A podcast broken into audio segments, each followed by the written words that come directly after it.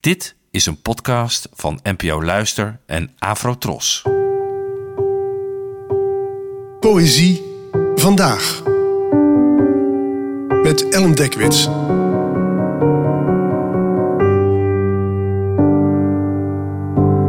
Hallo, fijn dat je luistert. Het gedicht van vandaag werd geschreven door de Engelse kunstenares en dichteres Frida Hughes, geboren in 1960 en vertaald door mij. Gewoonlijk lees ik in deze podcast eerst het gedicht voor en doe ik daarna pas een duiding, beschouwing of bespiegeling, maar dit vers zou ik graag van tevoren willen bespreken. Allereerst omdat het gaat over zelfdoding. Dus mocht je dit een te heftig onderwerp vinden, dan zou ik deze aflevering even overslaan. Maar ook omdat het handig is om vooraf even wat achtergrondinformatie te hebben over dit vers. Het is geschreven door Frida Hughes, iemand wiens naam niet meteen een belletje zal doen rinkelen, maar wiens ouders de meesten die zich een beetje in literatuur hebben verdiept zeker zullen kennen. Want haar moeder was niemand minder dan de Amerikaanse Sylvia Plath, een van de beroemdste dichteressen van de 20ste eeuw. En haar vader was de Engelse poëet en voormalig dichter des vaderlands Ted Hughes. Deze twee grootheden zullen dit jaar in deze podcastreeks nog zeker aan bod komen, maar ik wilde eerst eens beginnen met hun dochter. Sylvia Plath werd beroemd door haar roman, The Beljar, en uiteraard ook door haar prachtige gedichten, maar ze is minstens even bekend om het verdrietige feit dat ze op haar dertigste haar eigen leven nam. Deze dood maakte een soort martelaar van haar, waar ik in een toekomstige aflevering over Sylvia Plath meer bij stil zal staan, maar belangrijk is dat ze hier een martelaar werd voor feministen. Plath doodde zichzelf na te zijn verlaten door haar man, en nadat ze inzag dat haar werk in een patriarchale samenleving gewoon niet op dezelfde ontvangst kon rekenen als die van mannen. Wat volgde was een Plath-hype die nog steeds tot op de dag van vandaag voortduurt. Artikelen, essays, hele boeken die vooral om haar zelfverkozen dood draaien en een dramatisch spektakel ervan maken. Waar niemand eigenlijk bij stilstaat, is hoe dit alles voor Plas eigen kinderen is. Toen werd aangekondigd dat er een aantal jaar geleden een biopic in de maak was over haar leven, waarin zij zou worden gespeeld door Gwyneth Paltrow en haar man door Daniel Craig, oftewel James Bond, kwam hun dochter meteen in actie.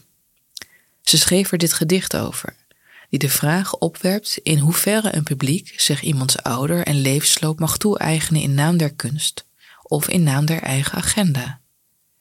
En hoe het moet zijn voor een dochter, die machteloos toe moet zien hoe de moeder die zij toen ze nog geen drie was verloor. Hoe die moeder wordt geëxploiteerd voor de dramazucht van het publiek. En dan komt hier het gedicht. Mijn moeder.